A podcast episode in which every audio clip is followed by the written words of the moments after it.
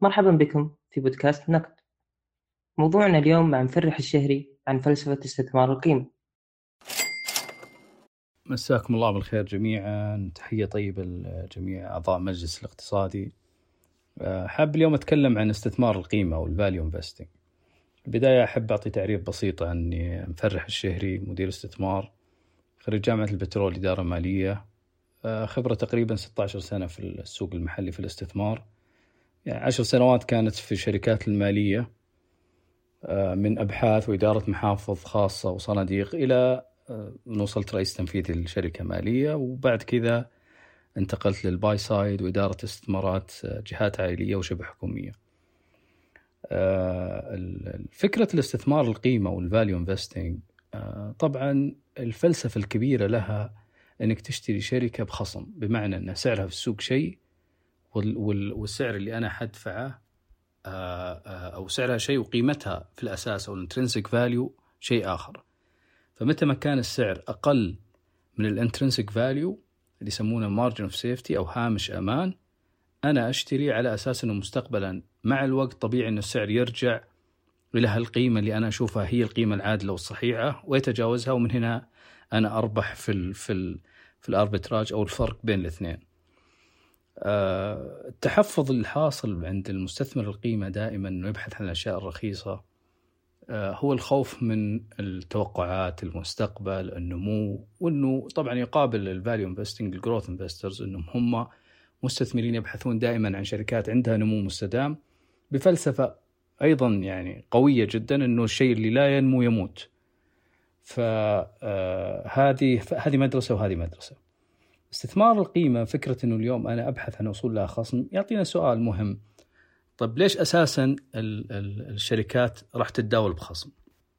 وهذا يرجع طبعا لثلاث أسباب رئيسية. السبب الأول أن تكون هالشركة إدارتها سيئة جدا. يعني القطاع كويس بس ما هي عارفة تستثمر مواردها بشكل صحيح وتعطي عائد كويس.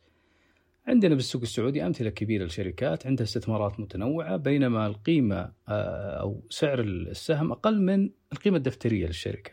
مثل شركة عسير الطيار المتطورة وعدة شركات. السبب الثاني لوجود خصم على بعض الشركات أنه يكون القطاع نفسه أصلا متذبذب مر بطفرة كبيرة بعد كذا دخلت آه، استثمارات عالية في القطاع. أدى إلى تراكم المعروض وأدى إلى ركود، الركود هذا يعطي حالة يأس كبيرة عند المستثمرين إنه يبيع بخصم كبير جدا. وهذا اللي حصل في قطاع الإسمنتات مثلا عندنا. قبل سنة سنتين كانت أسعار الإسمنتات متدنية بحد كبير جدا أقل من لو الشركة هذه يعني تصفي رؤوس أموالها وتتصفى كليا بتعطي فائض فوق السعر الموجود أو قيمتها السوقية. ومن هذيك الأسعار طلع ال... ال... هذيك اللحظات اللي المفروض يدخل فيها مستثمرين ال value investing الكلاسيكيين بالذات وبعد كذا طلعت الأسهم يعني بعضها تضاعفت وبعضها طلعت بمستويات كبيرة خلال فترة بسيطة يعني من سنة ونص إلى سنتين. واحيانا يكون في أسباب مؤقتة مثل اللي نمر فيها اليوم يعني فيروس كورونا وال... والأزمة اللي إحنا نمر فيها شيء مؤقت يعني يفترض المستثمر ما يعتمد إنه إن الحياة حتصير زي كذا دائما آه، ما فيها أسواق الناس ما ما حتقدر تطلع ما حروح فهذا شيء مؤقت مستقبلا حيرجع الشيء طبيعي. ولكن حالة الهلع والخوف يصير فيه إنه الناس تبيع بأي سعر وتوصل يعني قيم أسعار الشركات أقل من قيمها بشكل كبير. وحاطي أمثلة موجودة عندنا في السوق. السبب الثالث إنه يكون القطاع أصلا مدمر. يعني جاء شيء ديسربتيف وغير قوانين اللعبة كاملة فصار هالقطاع يعني آه، ميؤوس إنه يستمر أصلا في في البزنس نفسه والمثال المشهور مثلا كوداك وغير الشركات التقنية اللي تجاوزها التطور. وهنا سؤال مهم إنه أنا اليوم كيف أحصل على خصم؟ يعني هذا الخصم كيف أعرف إنه فعليا مستحق وإنه مستقبلا السعر حيتجاوز القيمة اللي أنا حطيتها.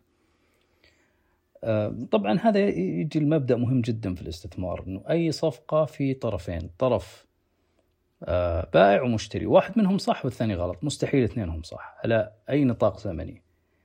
فعشان كذا مستثمرين القيمة فلسفتهم في حاجتين بهالنقطة إنه يقوي يكون هو الطرف الصح. يكون عنده تخصص في قطاعات معينة ويفهمها فهم عميق جدا ويعرف قوى ال industry اللي هو شغال فيه. مثلا وارن بافيت عنده أربع قطاعات ما يطلع عنها. يعني هذه يطلع عنها وكل ما طلع غالبا يصير عنده أخطاء. والاربع قطاعات هذه البنوك والشركات المالية التأمين الإعلام والأغذية أو السلع الاستهلاكيه فها يعني هذه هذه منطقته يفهمها صح يعرف قوة كل قطاع موجود فيه. والنقطة الثانية اللي هي التقييم. والتقييم مدارس كثيرة حتى في آه، بين مستثمرين القيمة. لكن الطرق اللي يستخدمونها ما هي التقليدية اللي إحنا نعرفها. على سبيل المثال اللي إحنا دائما نشوفه ال multiples أو المكررات والشيء الثاني اللي هو خصم التدفقات النقدية دي سي اف دي سي اف بالنسبة لل وأغلبها طبعا من المحرمات عند المستثمرين القيمة بالذات ال DCF لأن عنده توقعات كثيرة فيقول لك أنا مخا... أنا أصلا أتبنى هالفلسفة عشان أتجنب توقع وفكرة إني أنا أشوف إيش النمو القادم انه شيء مستحيل. والنقطة الثانية إنه ال DCF دائما يعتمد على مصاريف التمويل تنحسب في القوائم المالية بينما مصاريف رأس المال ما تنحسب فعشان كذا المبدأ هذا بالنسبة لهم غير دقيق ولازم يصير فيها اللي يسمونه ال residual earnings أو الأرباح أو ال economic profits أو الأرباح الاقتصادية اللي هي بعد خصم تكلفة رؤوس الأموال كاملة. عشان نفهم التقييم بشكل دقيق في مدرستين. مدرسة كلاسيكية يعني اللي أسسها اللي هو بنجمان جراهام وهو اللي درس وارن بافيت وحببه بشيء اسمه استثمار.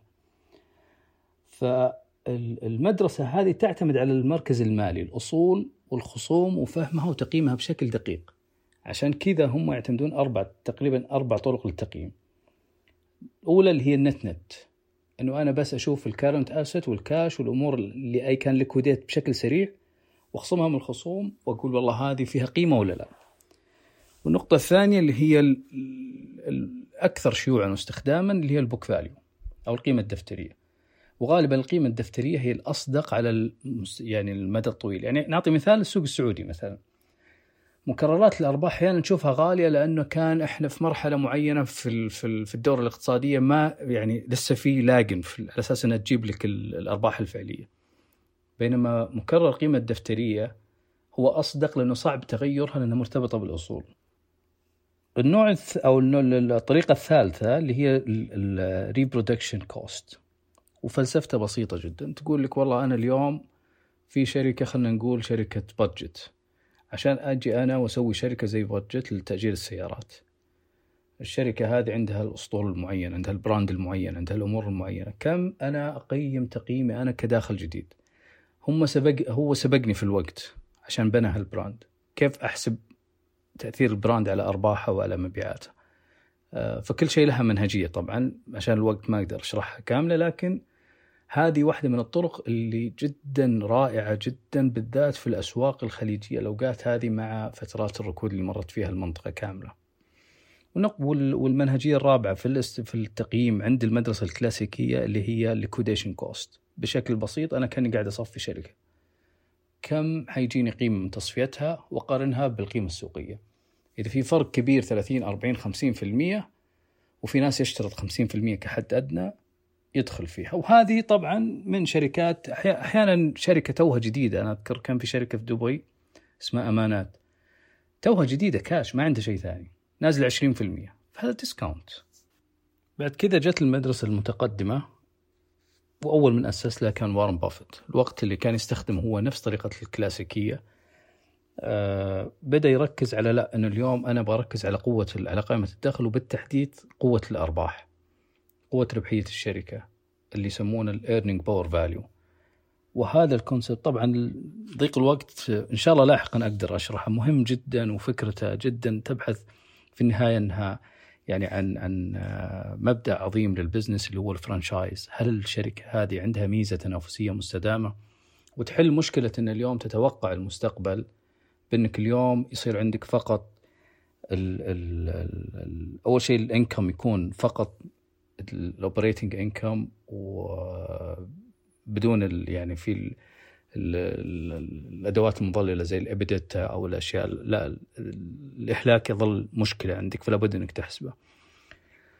وتبحث عن ال invested capital اللي هو بالضبط كم من الأصول اللي استخدمت لإنتاج ال business. يعني الكاش مش invested capital. ومبدأ ثالث اللي هو ال maintenance CapEx إني أفترض في ال earning power value إن الشركة ما حتنمو حتستمر نفس ما نفس ما هي وبتحافظ على قيمتها السوقية عشان عندها ميزة بالتنافسيه مستدامة. فكم تحتاج عشان تستمر في ال business هذا اللي هو يسمونه ال maintenance CapEx وهنا يبرز معرفة الشخص في ال business عشان يعرف يحددها بالضبط كم. المراعي تحتاج شيء عالي جدا بعكس مثلا سدافكو. فعشان كذا لازم أنت تكون عندك معرفة عميقة بالسوق. وهنا يعطي concept جديد أو concept مهم جدا يتكلم عنه وارن بافيت اللي هو ال economic moat هذه المدرسة المتطورة عندها أدوات مختلفة آه عندها إنها هي تبحث عن شركات معينة تبني الثروات ولكن يركز عليها بشكل كبير. فطريقة بناء المحفظة في الاثنين مختلفة جدا. يعني في ال... طبعا اثنينهم bottom up style ما يركزون في الاقتصاد أو إيش الأشياء الأبعد يركزون بالشركات بالشركات من يعني يبدأ في الشركة على طول ما يهمه الاقتصاد وين ماشي. الشراء طبعا دائما one time ال value investing investors أو المستثمرين القيمة ما يشتري بالتدريج ولا بدفعات. يشتري one time لأنه بيوصل مرحلة إنه هذه القيمة اليوم السعر أقل خلاص أشتري. ما يهمني ينزل يطلع بعدين ما, ما عنده أي مشكلة. ما في شيء اسمه إيقاف خسارة. طالما القيمة آه، أعلى من سعر السوق ما ابدا ما يبيع. مستحيل يبيع. لو ينزل 40 50 60% والعدد أنا أذكر كان في نقاش عن كم عدد الأسهم، العدد في المدرسة المتطورة قليل جدا ومتركز. يعني حتى وارن بافيت مرة سالوه في مؤتمر السنوي أنت يعني عندك سبع شركات تشكل 70% تقريبا. فذكر إنه أنا لو ألقى ثلاث شركات بس مثلا زي كوكا كولا وشركتين ثانية خلاص هذه تكفيني. ما أحتاج عدد كبير. وطبعا ها يعني يظل كل شخص كم يشوف العدد المناسب؟ خمسة ثمانية تسعة عشرة ما يفرق. أهم شيء أنه يلاقي الشركات الدقيقة. بشكل عام أدوات الاستثمار القيمة ممكن زي ما لاحظتوا ما هي المتداولة بشكل كبير سواء في المواقع سواء في التقارير اللي نقراها دائما من الشركات المالية. عشان كذا ما تلاقيها يعني آه، دارجة وما تقدر بنفس الوقت تحكم على سجل الأداء عندها. لكن أغلب المدراء الاستثمار ال value investors تلاقيهم ماسكين شركات وليست يعني ما يمكن قياسها بالصناديق اللي تدعي إنها مثلا value investing أغلبها ما يعني ما تستخدم هالمنهجيات بشكل دقيق. هذا بشكل عام. هل سوقنا يساعد؟ طبعا. لو إحنا طبقنا المتطورة والفرنشايز كومبانيز اللي موجودة في في الخليج بشكل عام أو بالسعودية في شركات كثيرة ضاعفت رؤوس يعني أموال ملاكها خلال فترات طويلة ومرت بأزمات كبيرة وتجاوزت أسعارها ولا زالت إلى اليوم في موقف سوقي كبير وحصتها كبيرة وربحيتها عالية. ونفس الوقت المدرسة الكلاسيكية تعمل بشكل كبير بالذات بالأوقات هذه اللي كان اللي فيها يعني أزمات وفيها ركود فترات طويلة في أسواق دبي وأسواق السوق السعودي شركات كثيرة تتداول تحت قيمة حتى ال earning power value مش بس ال book value أو القيمة الدفترية لها أو حتى قيمة أصولها بعد التسييل. فهذه أعتقد أنها يعني نبذة سريعة عن بعتذر جدا عن الإطالة. ننتقل الآن إلى فقرة الأسئلة مع الأستاذ مفرح الشهري. كان عندي تصور أن استثمار القيمة يدخل من ضمن أيضا الاستفادة بشكل غير مباشر من الشركة. حتى لو قيمة الشراء أعلى من السوق. لو مثلا عندي ecosystem معين وعندي آلية استحواذات أو جالسين نتكلم عن مصطلحات مختلفة. سؤالك مهم جدا. هي في النهاية سعر الشراء لازم يكون أقل من القيمة. ما يعني ما له علاقة سعر السوق ترى. سعر السوق مجرد إنه يكون متاح إذا بتشتري direct. بس إذا أنت بتسوي صفقة خاصة مثلا دائما سعر شرائك أقل من القيمة اللي أنت محددها. القيمة إذا استخدمت الكلاسيكية بالأربع منهجيات فأنت معناته أنك بتشوف الأصول وتقيمها وتعطي سعر شراء أقل منها. المتطورة لا اللي هي زي مثلا وارن بافيت لما جاء يشتري See's Candies نفس المثل اللي تفضلت فيه. كانت نفس سعر الشراء نفس سعر ال asset تقريبا اللي موجوده عندهم. بس هو حسب ال cash flow بطريقة مختلفة. قال أنا الحين أشوفها distressed asset من ناحية ال brand قوي جدا وسعر البيع it's not adjusted for ال inflation فلو أنا رفعت 2% من هنا لكم سنة قدام هذا اللي حيجيني بال cash flow هذه غير ال discounted cash flow مختلفة كليا عنها لأن هذه شركة عندها economic moat وعندها sustainable competitive advantage ونجح الفكرة حقته كاملة يعني تقييمه كان رائع وهي أصلا أنجح استثمار عنده. فهي زي ما تفضلت اليوم شرى شيء بقيمة أقل لأنه شاف ecosystem مختلف شاف synergy مع شيء ثاني وقيمها وشرى بس بالنهاية لازم يشتري بأقل من القيمة. هل من الممكن تعطي أمثلة من السوق السعودي على كل طريقة للتقييم؟ والله جميع المنهجيات يمكن تطبيقها طبعا في السوق السعودي وكل واحدة لها قطاع. يعني آه، ذكرت لنا مثال الإسمنتات آه، ممكن اليوم آه، في الشركات العقارية في discount كبير على ال book value. في شركات ال liquidation cost حقها حتى أعلى من قيمتها السوقية اليوم. ونفس الشيء حتى لو تطبق ال earning power value الشركات عندها يعني موقف سوقي قوي و franchise value كويسة مثل سدافكو بادجت وكذا شركة حتلاقي إنه فعليا تقدر إنك تشتري بأسعار يعني فيها خصم و... وتعمل بشكل جيد في السوق السعودي. ما هو تعامل المستثمرين ذوي فلسفة استثمار القيمة في دراسة الاقتصاد الكلي؟ هل ينظر له أم فقط على قيمة الشركة وإدارتها دون التركيز على ما يحصل في الاقتصاد كانخفاض أسعار النفط والركود العالمي؟ عملية اتخاذ القرار دائما لمستثمرين القيمة من الأسفل للأعلى أو ال bottom up ستايل بمعنى أنه هو يركز أو يبدأ في البداية على الشركة يفهم أصولها بشكل جيد آه، بأي منهجية من منهجيات اللي ذكرتها سابقا لمستثمري القيمة. آه، لكن في النهاية هي حجر الزاوية. وهذا النوع من التفكير يعزل صاحبه عن المشاكل الاقتصادية عن مشاكل القطاع المعين لأنه فعليا ما حتحصل على خصم عالي جدا إلا في مشكلة كبيرة سواء في القطاع أو في الاقتصاد في ظروف مثل ظروف السوق الأمريكي اليوم كيف يتصرفون مستثمرين القيمة؟ هل ينفذون عملياتهم بمجرد نزول السعر عن تقييمهم؟ أو يعطون عوامل السوق الثانية وإمكانية استمرار النزول أهمية في اتخاذ القرار؟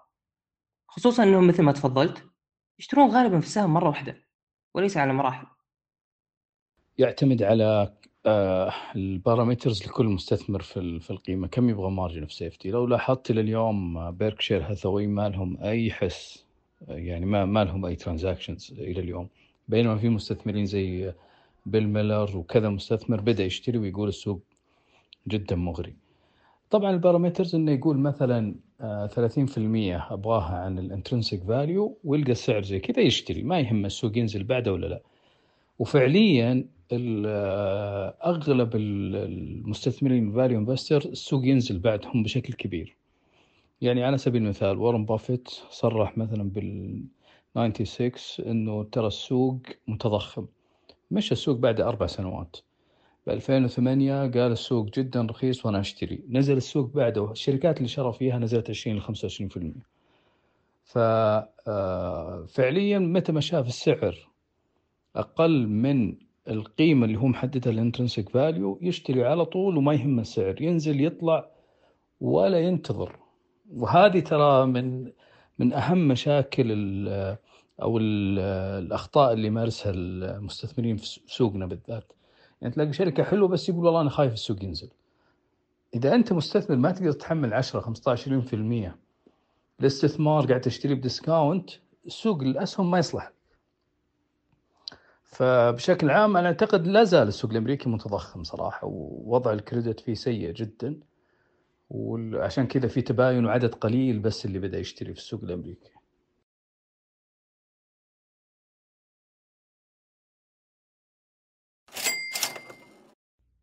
كم مدى أو متوسط عمر الاستثمار لمستثمري القيمة؟ أم أنه مرتبط بالقيمة فقط بغض النظر عن المدى وتكلفة الكاش في حال عدم توفر فرص بديلة؟ النقطة الثانية اليوم باكشر هيثوي الكاش عندهم 30% أو 30% هل في معدل الكاش في محفظة مستثمري القيمة؟ المدرسة الكلاسيكية ما عندها شيء اسمه إنك تشتري وت... يعني تمسك السهم المدى البعيد واللي إحنا نسميها buy and hold لا عندهم أنا شريت bargain اليوم متى ما أعطاني وطلع فوق سعر المشترى وأعطاني الربح اللي أنا متوقعه بعت. خلال سنة سنتين ثلاث what إذا السوق يعني يمر بمرحلة متضخمة زي ما مر فيه سوقنا من 2003 ل 2006 ما تقدر تطبق المدرسة الكلاسيكية ما في أي شركة فيها خصم. فأنت حتضطر إنك تقعد ثلاث سنوات على كاش وعندهم الصبر إنهم يسوون هالشيء. طبعا عشان كذا المدرسة الكلاسيكية تطورت وهي غير مستخدمة بشكل كبير اليوم. أو تستخدم على آه، نطاق أسواق كبيرة وتدخل على قطاعات يعني أصلا دخلت مرحلة إنه مستثمرين ما هي ترندي بالنسبة لهم منبوذة مكروهة عندها مشاكل كثيرة فيبدوا يدوروا في هالفرص. آه لكن بشكل عام ما يعني ما يحتفظ بالسهم. يشتري أول ما أول ما يجي ربحه فعشان كذا هم إيش يسوون يصير عندهم عدد كبير جدا في الأسهم على أساس لو 1 third أو ثلث المحفظة أعطتهم عوائد عالية بالنسبة لهم مناسبة جدا. آه الشيء الثاني اللي هو لا فكرة ال buy and hold اللي هي يسويها وارن بافيت والمدرسة المتقدمة. آه هذه طبعا لازم يكون طبعا هي خلاص لما يشتري ال business ما يبيع. حتى لو تقول له ترى بكرة عندنا أزمة اقتصادية ومفروض يقول لك لا أنا شريت بسعر كويس خلاص. فيسمونها ال entry strategy اليوم ال private equity يهم ال exit strategy في ال value investing لا entry strategy أنا أدخل خلاص ما أطلع.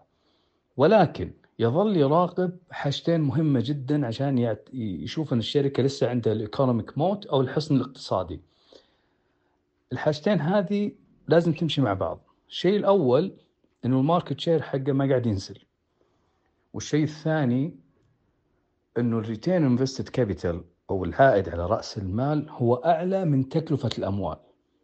والكل بند من الاشياء الأشياء هذه ال invested capital وال return وال وال cost of capital لها طريقة مختلفة أيضا في الحساب.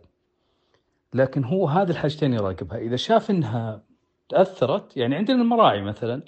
المراعي من 2008 و2009 تقريبا ضاعفت رؤوس رأس مال أي شخص مستثمر فيها خمسة إلى ستة أضعاف مع التوزيعات.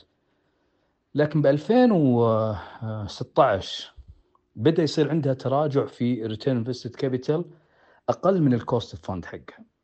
فهنا المفروض إنك تطلع المفروض تتخارج. وهو الوقت اللي شرى فيه صندوق الاستثمارات في المراعي. كان توقيته جدا سيء.